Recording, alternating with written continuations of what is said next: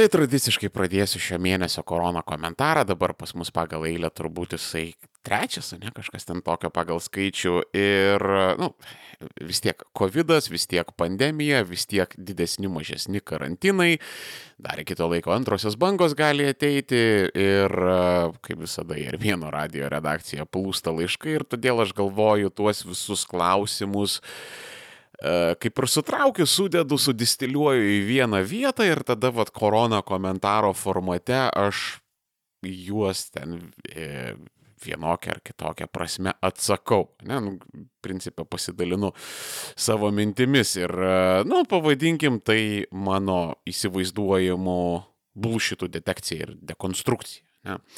Tai vad, pirmas bulšitas čia jau visur tas aidi šitas dalykas, ypatingai ten visokiuose progresyviuose ratuose. Tai va Jėzus, va Jėzus, va čia jau kažkas tai reikšmingai keisis po šitos koronos. Aš reikia pripažinti, aš irgi buvau tarptų balsų, kur ten vat, mačiau, kad čia jau bus kažkokie nerealūs, reikšmingi ir ten nepakartojami pokyčiai. Ir realiai, taip pragmatiškai žiūrint, greičiausiai, kad nelabai kas ir pasikeis. Nu, ta prasme, socioekonominės politinės sistemos toliau kaip ir skatins tą patį neatsakingumą, bailumą ir tinginystę. Ir turčiai toliau sėdės viršuje, rašysi savo statymus ir maudysis piniguose, skurdžiai gulės apačioje savo sukurtuose arba ten kokiuose, nežinau, sisteminiuose ten garduose e, su elektrinės piemenim ten užsidarę lindės. Ar ta pati vidurinioji klasė toliau mals šūdą, prokrastinuos ir sėkmingai įsivaizduos, kad nuo jos kažkas vis dar priklauso. Ir tam, kad gyvenime kažkas pasikeistų, grinai mano patirtim, tai visų pirma patys žmonės turi pasikeisti, o jūs tiesiog paimkite ir pasižiūrėkite į save, pasižiūrėkite į savo aplinką ir pabandykite atgaminti per savo gyvenimus, ilgus ar trumpus, kokie jie tenais pas jūs buvo, pabandykite atgaminti, kada jūs paskutinį kartą matėte žmogų, ar ten save, ar bet ką, kuris taip ėmė staiga iš esmės kokybiškai ir kiekybiškai pasikeitė. Nu, vad galiu aš pateikti pavyzdį iš savo istorijos, pažinau kažkada čiuvaką, kuris ten buvo visiškas korporatyvinis šriubelis ir vieną dieną vad jam užplaukė, kad jam užkniso tas korporatyvas, užkniso tie nykus dusinantis tvankus kostiumai, o jisai nori gyventi prie jūros ir ten užsiiminėti jėgos aitvarais. Ir va, jis ten viską metė nafik, išvarė, pradėjo tą savo gyvenimą ir dabar laimingas kaip lyvaras gyvena. Ne, va, nu, kiek jūs tokių keisų matėt? Va, aš, aš nekalbu ten, žinai, numetė svorio, metė rūkyti, bet vis taip reikšmingai konkrečiai pasikeitė. Ne, nu, Greičiausiai ne, arba jeigu matėte, tai labai nedaug, kur ant vienos rankos pirštų turbūt skaičiuojate. Tai va čia esminė vieta, kodėl nieko greičiausiai per smarkiai nepasikeis. Kad, nu, kaip, čia dabar aš paneigsiu save. Pasikeis, bet pasikeis ne tai, ką, ko mes visi tikimės. Kad keisis greičiausiai tai tik tai forma, neturinys. Nu, tarkim, vat kokiam nors ten giliam gudžiam 16 amžiui, ten Europoje, kokie nors, nežinau, žemės savininkai buvo visagaliai, ne? Tada juos palaipsniui, ten jau palei a, pramonės revoliuciją, bet ir ten jau daugmaž įsivažiuojant atradimų epochoje, tai pabiški juos pradėjo keisti prekybininkai ir industrialistai. Tada anuos pakeitė bankyrai, bankyrus finansininkai ir finansininkus panašu, kad pakeis kokie nors big data monopolistai. Tai čia vat nuo Hamurabio laikų buvo visada kažkoks galingųjų ten elitas ar tai establishmentas, kurie iš egzistuojančių polit socioekonominių sistemų išsitraukdavo savo kažkokią maksimalę naudą. Ir visada tai buvo ir bus ir per amžių samen. Ir kas dažniausiai keitėsi, vad, kaip aš jums iliustravau, tai ne pats establishmentas, o tiesiog establishmento veiklos rytis. Ne?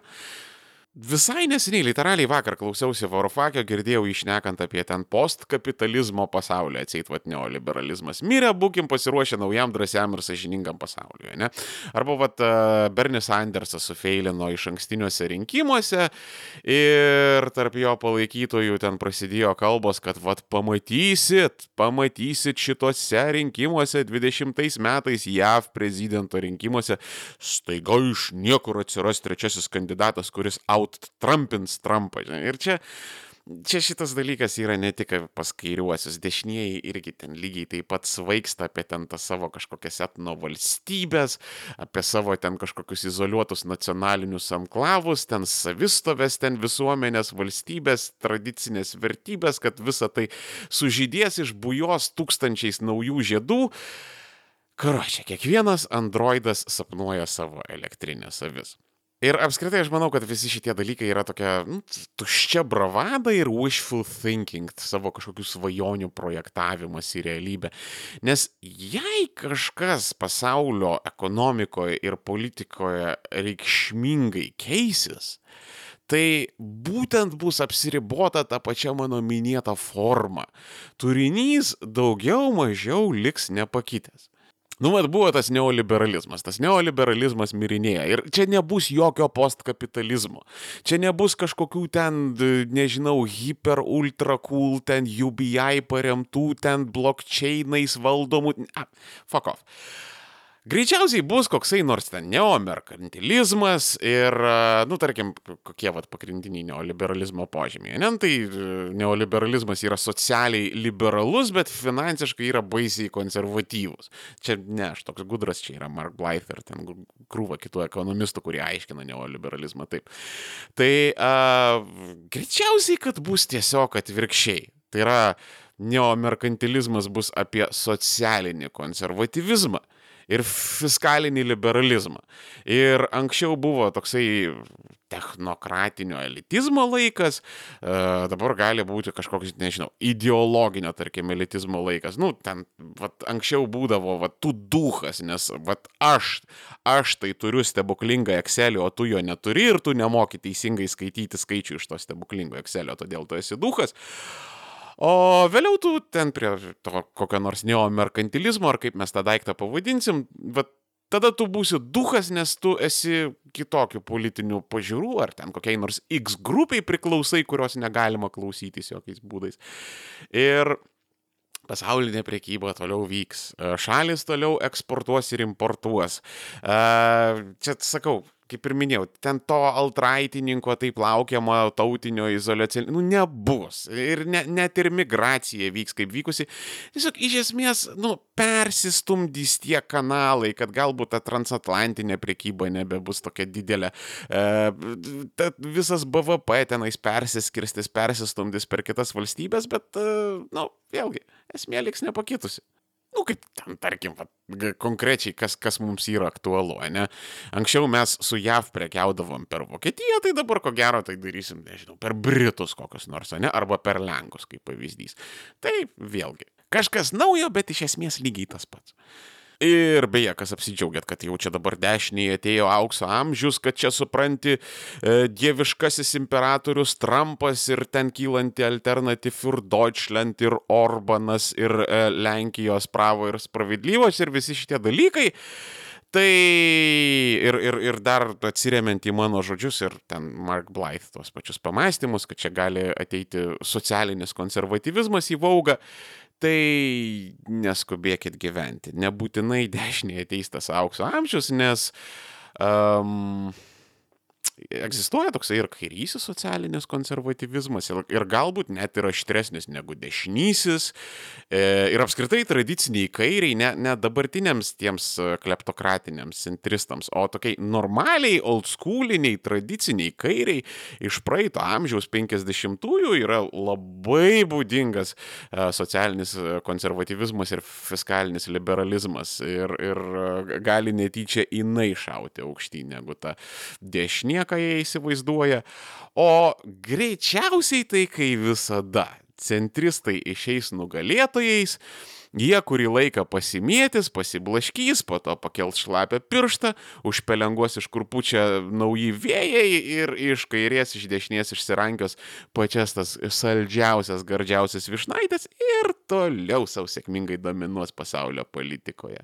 Dar vienas bulšitas, kurį aš užfiksavau, tai e, absoliuti dauguma viešosios erdvės šneka, kad dabar ateinanti ekonominė krizė, o jinai, patikėkit manim, tikrai ateis, neturėkit iliuzijų ir paruoškit e, rudes, gerai jas išsivaškuokit, išsimuiluokit, nes, nu, į jas bus tikrai didelė ir krūvina intervencija.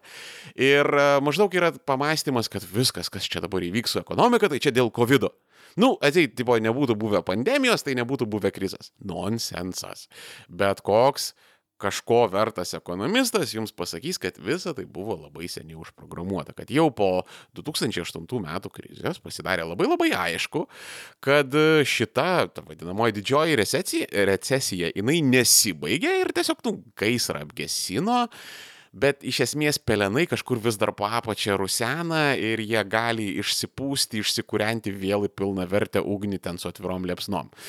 Ir e, kiekviena krizė prasideda nuo kažkokio įvykio, ne? Va, tarkim, paskutinė krizė tai čia buvo Lehman Brothers, jo, e, bankrotas. Ir e, tas įvykis būna ta tokia kažkokia, žinai, metaforinė kibirkštis, kuri sudegina pasaulį, bet kibirkštis nėra atsakinga už gaisrą pati į savęs, ne? nes atsakomybė dažniausiai būna tai ant to debilų debilų, kuris kažkodėl sugalvojo aplinkui žybalo prileisti ir jam tai nepasirodė kvaila idėja. Dažniausiai tokie dalykai būna susijęs su tuo, kad e, sistemos išsisėmė, jos nustoja aptarnauti platesnę visuomenę Ir ta sistema, ta tokia sociopolitekonominė, tokia didžioji sistema iš didžiosios S, pačia plačiausia ir bendriausia prasme, ima striginėti kažkur ties labai siaurais aukštuomenės interesais. Tai vat, atsimenat, kur sakiau, va tos vat establishmento transformacijos, ne, ten maždaug latifundininkai į industrialistus, industrialistai į bankyrus ir taip toliau.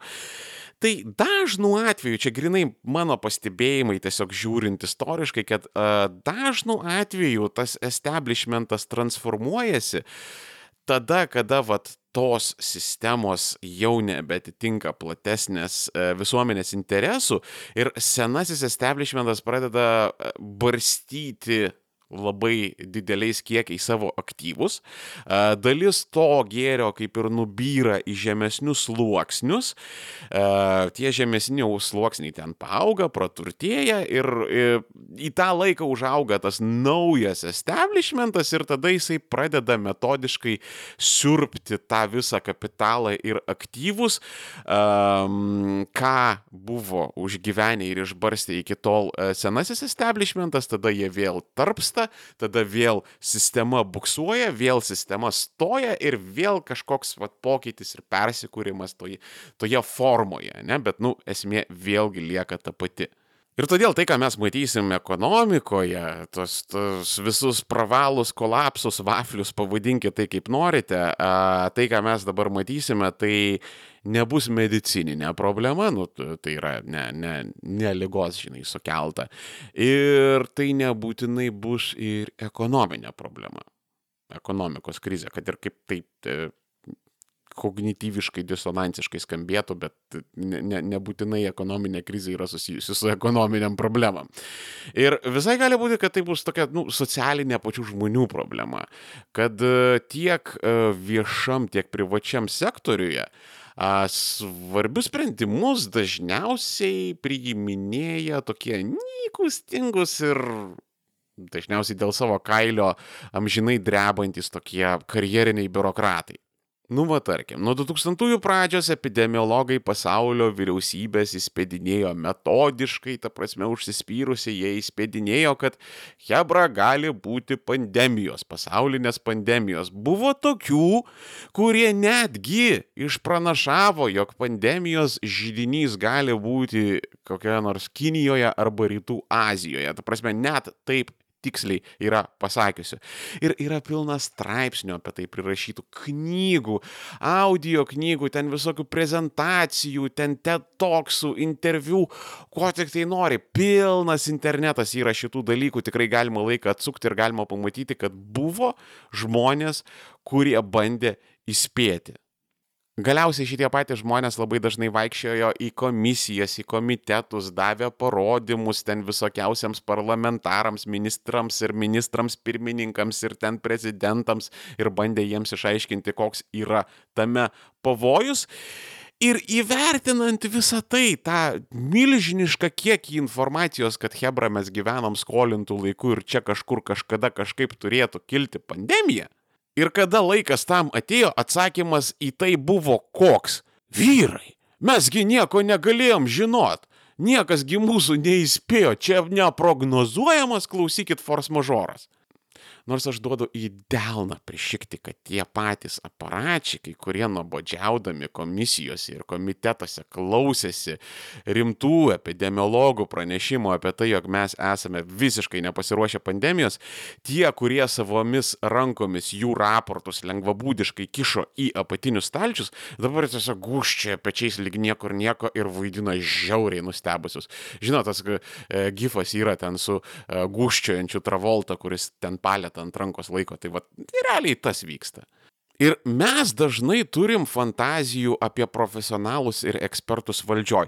Net tie marginalūs antivakseriai ar ten QAnonininkai ir visi, kur čia mato žydo masonų samokslus, net ypatingai jie net net, o, o ypatingai šitie žmonės yra labai įtikėję į profesionalus ten kažkur viršuje, nes, nu, tik tai hiper, ultra, turbo, super uh, nepakartojami nerealūs profesionalai gali vykdyti globalius samokslus, ne?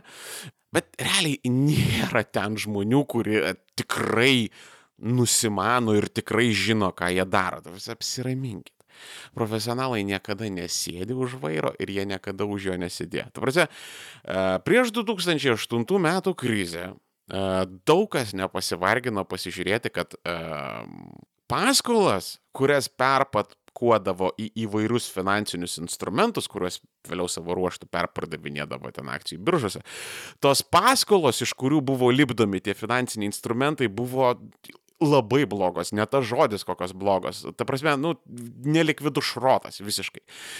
Ir kas buvo pasivarginęs pasižiūrėti, kas yra tose finansiniuose instrumentuose, kokios yra iš tiesų paskolos, pradėdavo skambinti pavojaus varpais ir niekas jų niekada nesiklausydavo. Tarsi, va, tas The Big Short filmas, kur labai geras ir visai aš rekomenduoju, beje, buvo būtent apie tai, apie tos žmonės, kurie tai pamatė ir suprato, kad yra šūdas pardavinėjamas už aukso kainą, jie pradėjo skambinti pavojaus varpais ir niekas jais netikėjo.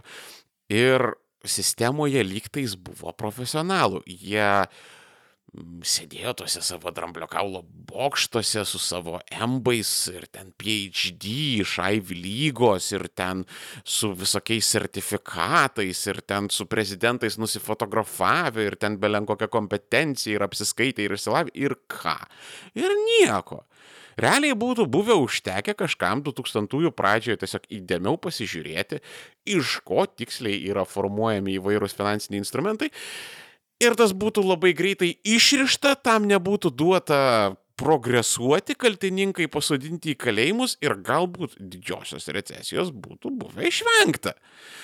Ir sakau, profesionalai nu niekada nesėdė už vairo, nes barankė įprastai sukioja nomenklatūrinis oficinis planktonas, kuris nu, nieko nenori girdėti apie sunkumus ir visada jisai stengiasi kažkaip nuo savęs nusimesti atsakomybę ir tiesiog kažkaip vat, nu, nu, gyventi gyvenimą be ten, problemų, konfliktų, sunkumų, tiesiog pat nenustot kvepuoti iki pensijos. Dar vienas pavyzdys - Pasaulio sveikatos organizacija. Vat Taivanis jau gruodį įspėjo, kad Hebra koronavirusas veikiausiai persiduota žmogus žmogui. Ir kinai šitą informaciją slėpia ir PSO jie padarė viską, kad šita informacija kaip įmanoma ilgiau neišeitų. Patys pasaulio sveikatos organizacija visiškai ignoravo uh, Taivanį, vėliau prie jo prisidėjo ir Pietų Koreja, tai buvo nukišta į ten patį giliausią, pa, pa, patį apatiniausią stalčių. Ir tada pasaulio sveikatos organizacija sausi, dar laikosi linijos, kad ne, ne, COVID tikrai nepersiduoda žmogui žmogui. Ir e, dar netgi e, vasario mėnesį labai kritikavo Donaldo Trumpo administracija, kada jisai apribojo kelionių srautus iš Kinijos, kad va Jėzus koks tu šlikštus rasistas maždaug. Ir e, į tą laiką įvyko kinų naujieji metai, daugelis užsienį gyvenančių kinų grįžo švesti į savo tėvynę tada kaip ir prisigaudė to viruso, panešiojo po plačią uh, kinišką visuomenę sugrįžo atgal į savo imigracijas ir virusas paprasčiausiai išsinešiojo tokiu būdu per visą pasaulį. Ir aš neabejoju, kad pasaulio sveikatos organizacijoje viduje tikrai turėjo būti žmonių, kurie maldavo neklausyti kinų kurie prašė, kad kuo greičiau duokim rekomendacijas karantinuotis, kuo greičiau iki kinų naujų metų mums labai yra svarbu uždaryti visus kelionės rautus. Aš nebejoju, kad tokių žmonių turėjo būti. Bet tuo pat metu aš nebejoju, kad nomenklatūra buvo galingesnė ir daug efektyviau viską užblokavo. Kas dabar šitoj vietoje yra labai žiauru, tai ten įvairūs, e, ten kiguoliai, kepeniai ir panašiai, jie dabar galės aiškinti, kad ta jūsų PSO yra nieko verta, meluojanti, korumpuota ir Kinijos uždominuota organizacija. Ir žinot ką? Ir jie bus teisūs. Tarsi, vardan saujos biurokratų komforto buvo visiškai sudrošta labai svarbios organizacijos reputacija. Ir už tai jiems greičiausiai nieko nebus. Visi, kas yra atsakingi už šitą purviną spektaklį, greičiausiai bus taip nors patiliukais, taip tykiai, ramiai atstatydinti, nusileis auksiniais parašiutais, e, po to gal ten kokią lobistinę veiklą pradės, e, galbūt, nežinau, susiras ten e, šiltas viečikės ten pas kokius nors farmacininkus, arba kažkur tenais labai ramiai profesor, profesoriaus iki ten savo gyvenimo pabaigos. Nors jeigu taip iš uh, grinai teisingumo rakurso pasižiūrėti, tai PSO vadovybė, kuri vad būtent buvo atsakinga už šitos sprendimus, tai ją reikėtų tučto jau už plaukų išvilkti į kokį nors labai rimtą tarptautinį tribunolą, nes kraujas yra ant jų rankų. Ir žinot, kada dirba profesionalai? Uh, jūs nenorit sulaukti laikų, kada dirba profesionalai, nes uh, profesionalai ateina srėpti popieriais musuojančių nomenklatūrininkų fakapų. Ir jo, aš suprantu, kad jeigu jūs esat linkę ten į visokius konspiracinius mąstymus, tai jūs čia supranti, matysit ten visokius paternus ir kaip tu armėnai nesupranti, čia pasaulio užvaldymo planas ir tau reikėjo skaityti Geitsą, nes ten vat viskas buvo išpranašauta, iš... Ta, ta, ta, ta. O, o mokymai prieš COVID dėl pasaulio pandemijos, taigi čia pasižiūrėk, o ten per Euroviziją Madona e, ėjo su suknelė, kur ten ant jos kūraitės buvo uždėtos ok, man neįdomu, atvirai pasakysiu, nes um, aš pasaulį matau čiūčiut kitaip. Uh, ir uh, aš į jį žiūriu, nu, va, yra feikiniai kovos menai. Galbūt jūs su jais esate susidūrę ten. Visokie ten spaudimo taškai, ten ninjutsu, ten bekontaktės kovos, ten či energijos ir, nu, žodžiu, feikų feikas visiškas. Ir um, periodiškai tų e, kovos, e, pavadinkim, meistrai e, išsikvečia į dvikovą kažkokį legit kovotoją, ne, nu, ten, nežinau, čia vakai ten iš MMA, ar ten kokį kickboksininką, ar ten boksininką, nu, tiesiog legit kovotoją, ne, išsikviečia. Ir įprastai tos visus feikinius kovos menų ten išmanytojus, ten žodžiu, kad, o, aš tave, žinai, galiu nužudyti vien ten žvilgsniu ir savo čia energiją, tai šituos dažniausiai ten per pirmas 90 sekundžių pasiunčia į nokautą. Ir vat čia yra toks esminis paradoksas jiegi sąmoningai ar nesąmoningai, nesvarbu, bet jiegi turi nujausti, kad jie nieko nemoka, kad jie eina į ringą mušti su profesionalu tuo tarpu, kada jie tikrai nėra profesionalai. Ir jie turi nujausti, kad juos suplėšys į gabalus. Ir, ir kas yra labai įdomu, labai įdomu, kad dažnu atveju ne jiems meta iššūkį, ne, ir jau jie iš neturėjimo kur dėtis į priimą dažniausiai jie legit kovotojams patys tos iššūkius meta ir patys gauna į liūlį. Ir čia va tas yra visiškas keistumynas. Tu matai žmogų, kuris eina į ringą, kuris bent nesąmoningam lygiai turi nujausti, kad greitai jisai rinksi savo dantis Bet jis vis tiek eina iki paskutinio ir dar prieš tai būna šventai įsitikinęs, kad jisai nugalės. Ta prasme, žmogaus noras ir sugebėjimas save apgaudinėti tai yra neišsenkantis resursas, Hebra. Ta vad mano minėta nomenklatūra uh, viską darė tikrai neišpektos valios. Ir, ir, ir nebūtinai čia klausimas yra apie kažkokią nekompetenciją, dažna atveju tai yra labai geri specialistai.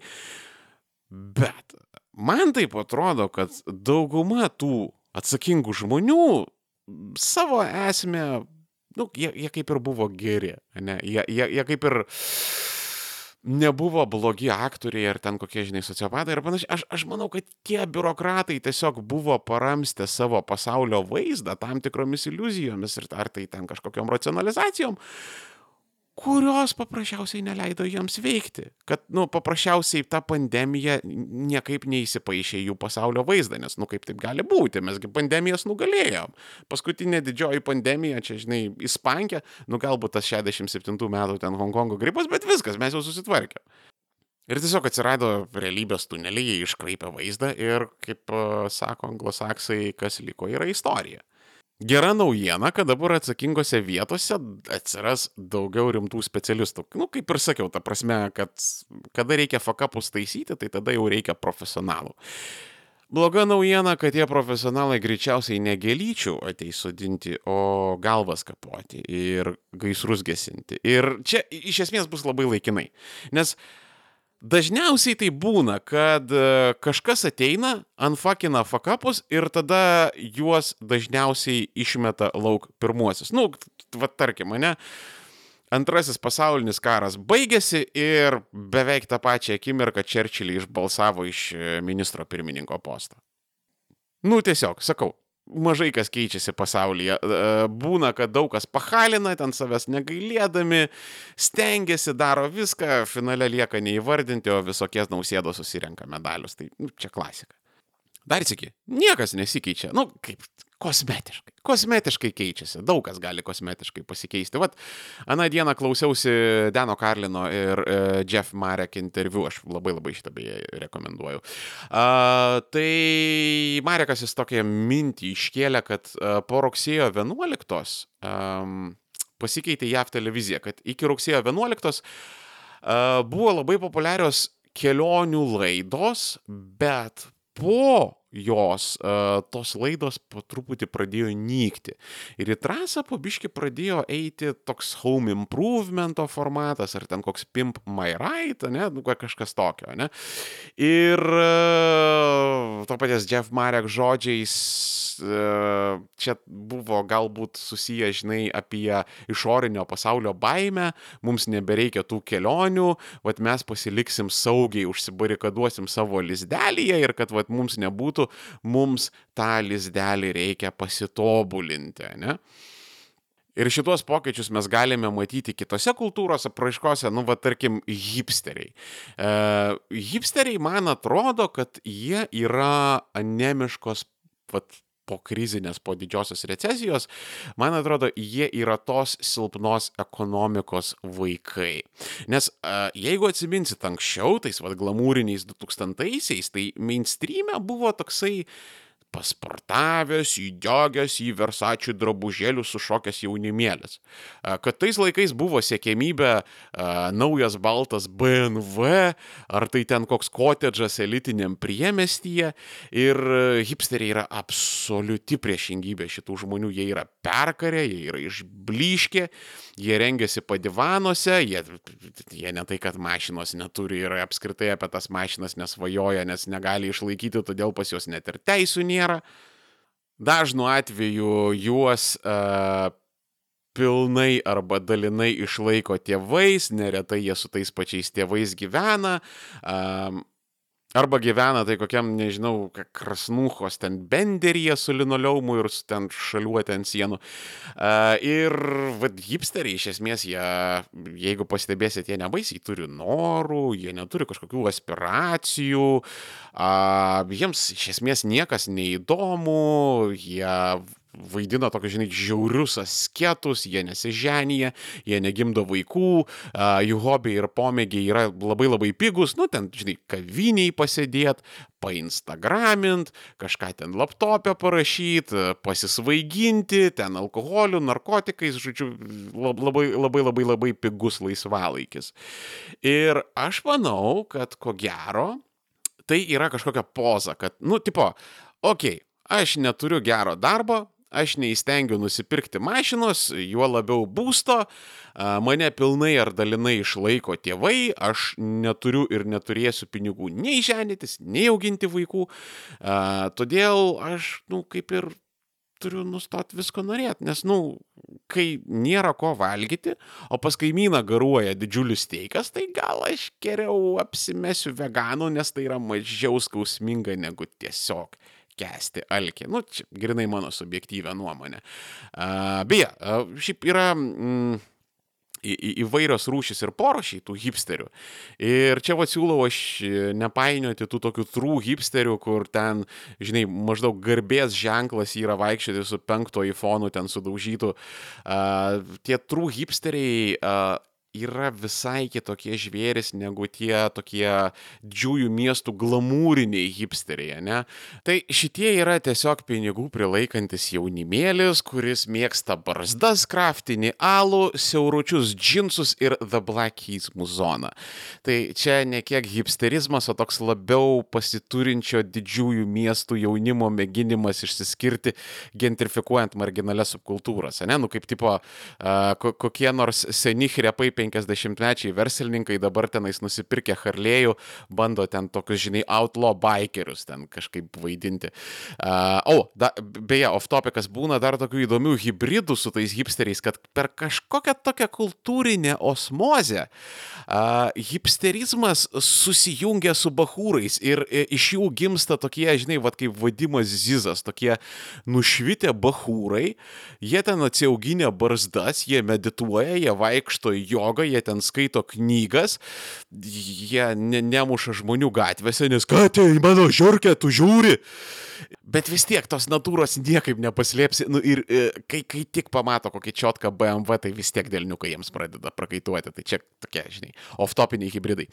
Bet uh, į e, šitą žiūrėjančią ir grausiai kraujuojančią šautinę žaizdą po didžiosios recesijos, uh, į tą skylę užpildė tas naujas žmonių elgesys, nauji ekonominiai modeliai ir konstruktai. Ne? Nu, tarkim, anksčiau buvo gyvenimas skolon, kada algos labai stagnavo ir vidurinė klasė labai sunkiai augo, tai šitą problemą tiesiog išsprendė paskolom, kreditais, leasingais ir panašiai. Dabar e, šitas kraniukas jau yra užsiraukęs, visi jau ant to yra prisižaidę ir į trasą eina visuotinė uberizacija. Reiškia, dienom tu stumdai popierius ofise, vakarais vairuoji taksifajų, ar ten uberį, ar pizzas per voltą ten išvežioji, o kol tu tuo metu esi pamainoj, tai tavo nuomotas būtas būna dar kartą pernuomojamas kelioms valandoms, tai nežinau, kokiai poreliai pasidulkinti, nes nu, jie neturi būsto, jie neturi pinigų viešbučiui, bet jiems reikia, o tu nelabai gali finansuoti savo gerovės iš paskolų kaip prieš krizę ir tau vienos algos nepakanka, todėl turi suktis. Vat kas iš esmės gali pasikeisti, čia tas vienas iš tų nedaugelio dalykų, tai a, gali pasikeisti žmonijos požiūris į klimatą. Visai gali būti, kad a, nespėsim atsičiuchalioti nuo šitos ekonominės ir ten medicininės krizės, o į rinką iššoks naujas šviežias didelis ir baisus kovotojas. Nes, nu, tarkim, a, korona jinai pasibaigs su vakcina. A, kaip žinia, ta vakcina padarys visus vaikus autistais, homoseksualistais ir marksistais, kas iš esmės yra tas pats. Tai čia realiai už pusantrų, dviejų metų mes turėsim tą baisinį brūdą, kuris visus nunuodys ir matuojant istoriniais ciklais, tai tą vakciną mes turėsim principę ryt ar už poryt. Bet, vad, klimato kaitos vis dar nieko neatšaukia. Ir, okei, okay, jūs ten galite tikėti, netikėti, galite turėti kažkokių pagristų, nepagristų abejonių, Aš nenoriu veltis į tuščius ginčius ir jie dažniausiai niekur nenuveda. Ir aš skaitau, kad laikas viską parodys. Bet jeigu aš esu teisus, tai kaip Greta sakė, su fizika nepasiginčysi.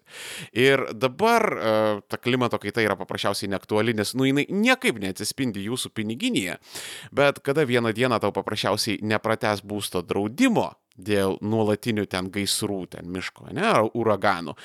Ir e, net sieną pastatęs tu neatsiginsi nuo klimato vėjamų migrantų iš Afrikos, tada galbūt visai pasidarys, kas čia dabar vyksta su tuo klimatu.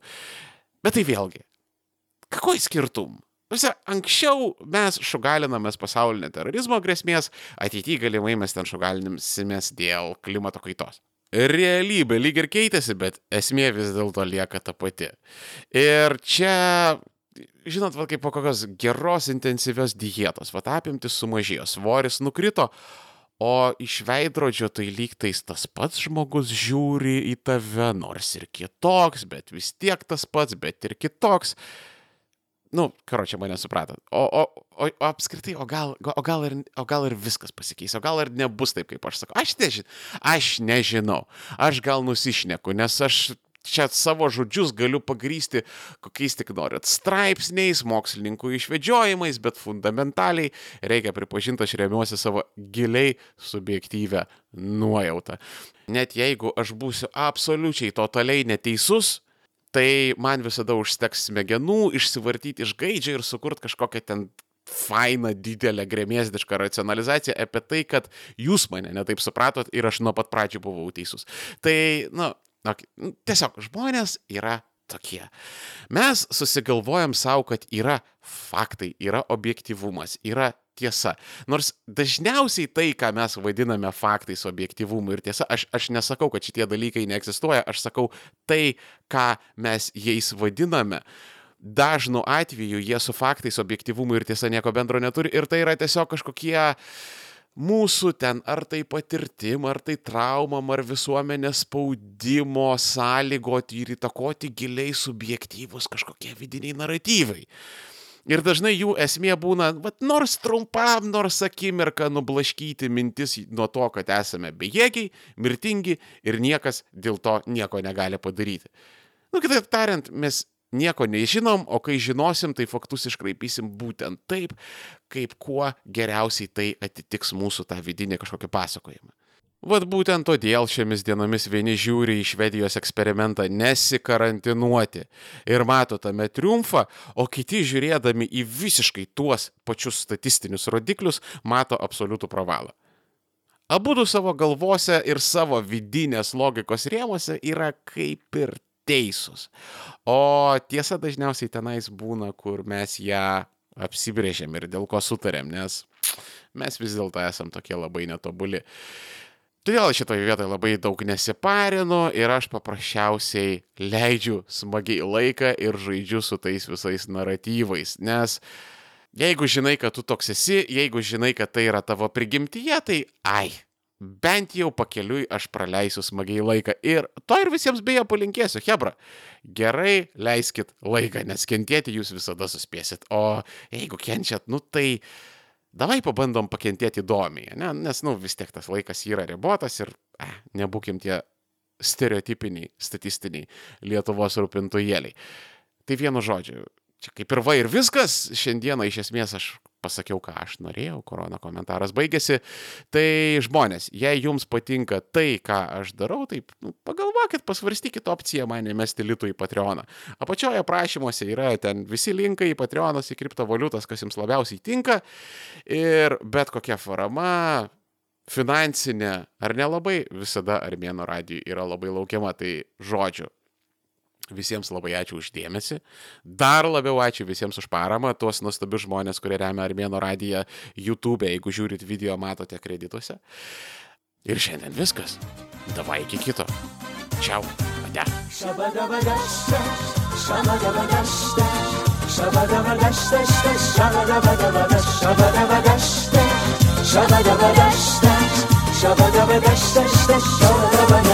Zirrakçik ilk kez lalis